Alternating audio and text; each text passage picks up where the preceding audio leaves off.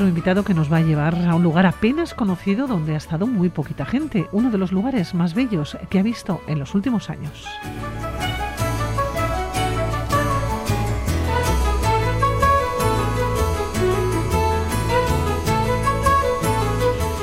Y es que vamos a viajar hasta Kirguistán. La historia de este país se extiende por más de 2.000 años y abarca una gran variedad de culturas y de imperios.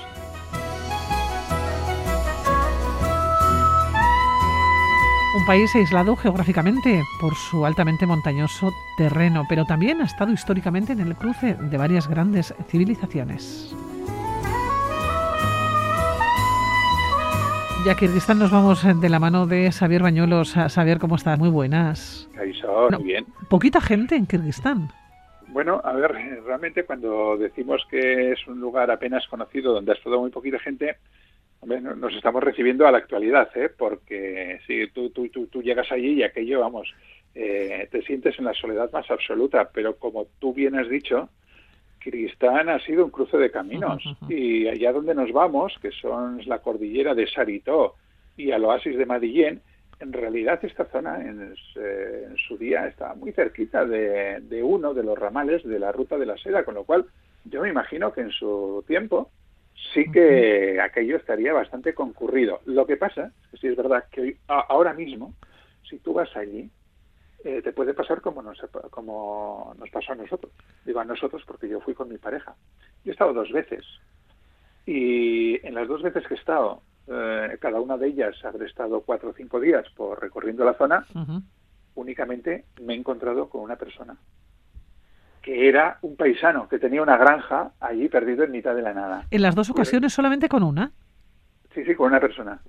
Sí, es curioso, pero sí, sí. Pero que ese era el padre de familia de eh, una familia, valga la redundancia, que tiene una granjita allí perdido, como digo, en, en la nada, muy cerquita de, del oasis, que cultivan un poquito de terreno, tienen unas cabras eh, y alguna oveja, y ya está. Y no, allí yo no he visto más gente, eh, porque efectivamente es un lugar muy apartado y totalmente fuera de lo que son las rutas turísticas, digamos, convencionales.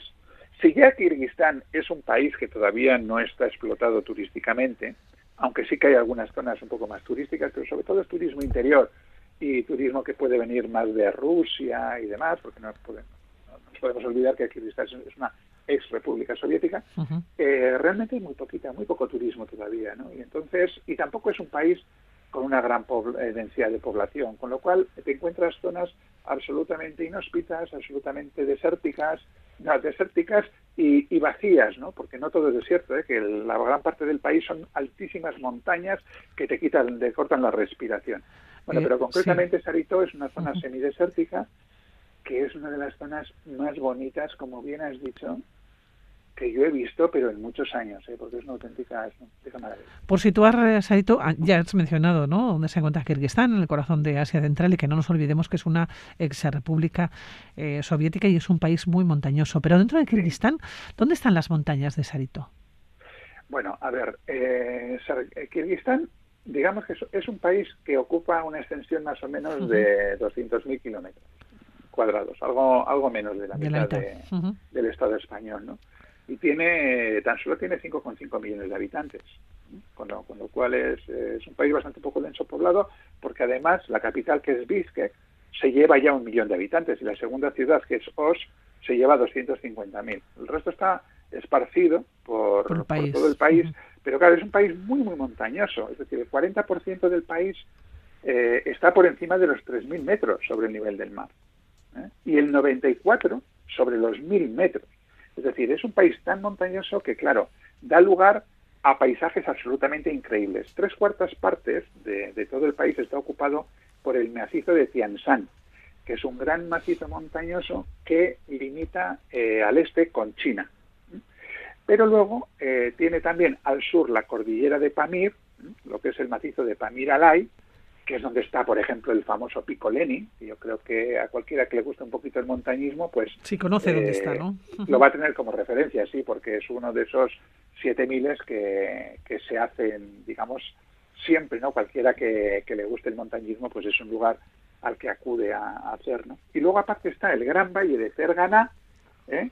y eh, en el norte ya el lago de Isikul. Bueno, pues si nos vamos a la zona, a la zona más eh, occidental, al este, ahí nos encontramos con una zona, una zona semidesértica muy extensa que linda ya con, pues con, con Uzbekistán, con Tayikistán, y que está ocupada por un macizo montañoso que no tiene gran, grandes alturas, ¿eh? que es el, concretamente las montañas de Sarito.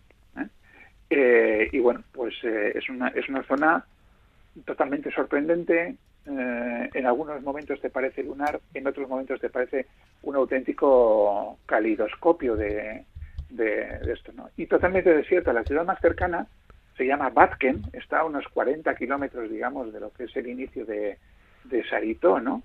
Eh, y bueno, una zona, como digo, mm, pues totalmente en, mitad de la nada, ¿no? Una enorme extensión semidesértica que ha sido a lo largo de los, eh, de los años, eh, de, los, de los miles de años, ¿no? porque en geología hay que hablar siempre de miles de años, pues modeladas por la erosión, sobre todo del agua y el, y el viento. ¿no? Entonces lo que hace es combinar valles, mesetas, cumbres rodeadas de formas eh, totalmente caprichosas, precisamente fruto de, esta erosión, y sobre todo es una explosión de color. Mira, estas, estas imágenes que tenemos a veces de la quebrada de Humahuaca, con el cerro de los siete colores, o esas fotos tan famosas que se han hecho en los últimos años de, de China o de, o de Perú, bueno, pues esto es lo mismo, pero sin que nadie lo, lo conozca, ¿no? Es, no sé, es como si la geología se hubiera vuelto loca eh, y se hubiera tomado una buena ración de peyote. Mira, estoy... Porque, lo ves todo en colores. Estoy viendo unas imágenes en Facebook, además estoy viendo un vídeo ahora mismo eh, sobre Saritú, que recomiendo que mientras estamos hablando, las personas que tengan acceso ¿no? a, Facebook, que busquen eh, o que pongan, se va a encontrar con este vídeo y que se ve perfectamente esta explosión de colores y cómo son lo que estás narrando, ¿no? Es preciosa es, que, es que son eh, inmensas extensiones de verde, de amarillo, de pardo, de ocre, de rojo, todo mezclado. estás constantemente viendo arcoíris de piedra que, lo mismo te caen en cascada, que lo mismo van en horizontal, que en vertical. O sea, es, es una auténtica, es una auténtica salvajada. Y, cuando llega, eh, viene al amanecer, pero sobre todo al atardecer, que el, sol se empieza a poner rojizo, eso choca, golpea la roca y aquello estalla en fuego. O sea, hay zonas que realmente parecen un incendio de roca. ¿no? Es, una, preciosidad. Y todo esto combinado con estos, eh, digamos, estos niveles que se dan de distintos colores, la verdad es es una pasada. Pero es que no solamente eso, porque es que además, digamos que la, eh, la, configuración orográfica da para muchos juegos, ¿no? Porque tienes cañones tremendamente estrechos, donde apenas eh, se filtra la luz, eh, luego tienes, tienes una zona de cars, que es el, el de Tactavoz, de, donde, donde las aguas se sumen y aparecen en el oasis de Madiguén, donde de repente el paisaje cambia totalmente, ¿no? Y lo que había sido una zona semidesértica se convierte en una explosión de, vegetación con agua, eh, praderas, no es muy grande, ¿eh? es pequeño, pero bueno, eh, álamos alrededor del agua. vamos, no sé, es todo una especie de caleidoscopio, ¿no? Sabes como si estuvieras jugando con un caleidoscopio natural, ¿no? Pero, pero todo esto, además, en, la austeridad de un paisaje, salvo en la zona del oasis, pues casi exento de vegetación, con lo cual tienes la roca desnuda y los colores brillan, brillan. O sea, es una auténtica pasada. Bueno, tiene además su valor histórico, está muy cerca, ¿no?, de la ruta de la seda. Exactamente, lo hemos dicho antes. Es que, eh, a ver, cuando hablamos de la ruta de la seda, eh, inmediatamente nos imaginamos un camino pues que une eh, con el Mediterráneo, pumba, y dices, vale, pues esto era un, trazado, como cuando hablamos del Camino de Santiago, ¿no? Que nos pensamos que empieza en Roncesvalles y termina en Santiago, cuando en realidad eh, todos estos eh, trazados, digamos, son una red de caminos. Bueno, pues lo mismo ocurre con la... O sea, no se puede hablar del Camino de Santiago, hay que hablar de los caminos, de Santiago, a pesar de que el camino francés sea el más famoso. Pues con la ruta de la seda ocurre exactamente igual. No hay una ruta de la seda, hay decenas de rutas de la seda. Es decir, la ruta de la seda se bifurca, se, se, se, se, encuentra, eh, se crean conjunciones, cruces, hay hasta una ruta de la seda marítima. Es decir, en realidad eran todos aquellos que unían el antiguo, la antigua China con el, con el Mediterráneo a través de, las, de Asia Central. Bueno, pues por aquí cerquita, pasa o pasaba uno de estos ramales, un ramal además de cierta importancia. Y, entre otras cosas, porque aquí había una gruta, bueno, sigue estando la gruta, la gruta de Canigud. Esta, esta gruta en realidad era una antigua, minera, eh, una antigua explotación minera de plomo y de plata. Entonces, claro, ¿para qué te quiero? Lógicamente, eh, la ruta tenía que pasar por aquí, pues para hacerse con estos materiales que eran tan preciados en aquella época, ¿no? Entonces, eh, se hacían con estos materiales y aquí concretamente en Sarito, que está a unos, yo creo que unos 20 kilómetros de, la gruta de Canigud, montaron toda una serie de hornos medievales para el tratamiento del material que se extraía de la mina y la extracción del plomo y la, y la plata. Entonces tenemos una serie de, de hornos eh, preciosos, ¿no?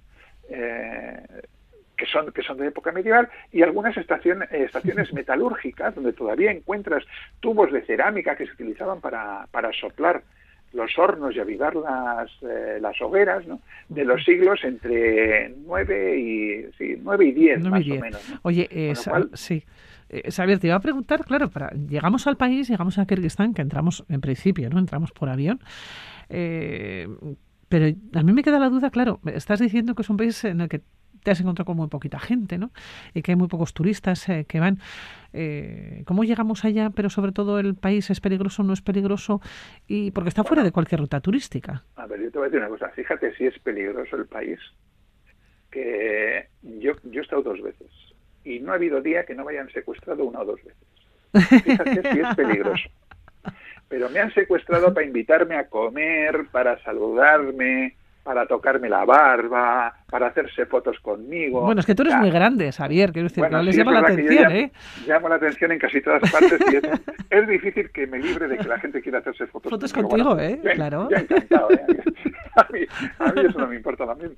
Es más, te voy a decir una cosa, entre lo grande que soy, la barba y el pelo, yo te digo que lo, suelo utilizar a veces precisamente porque me facilita el entrar en, con gente con en, en, contacto con la gente ¿no? con, de los países en los que en los que viajo. Bueno, el país no es peligroso entonces no, no para nada. pero mira, hay riesgo de perderse de hombre puede haber riesgo de perderse sí porque está muy poquito señalizado. Hemos de tener en cuenta que es un país eh, pobre diríamos.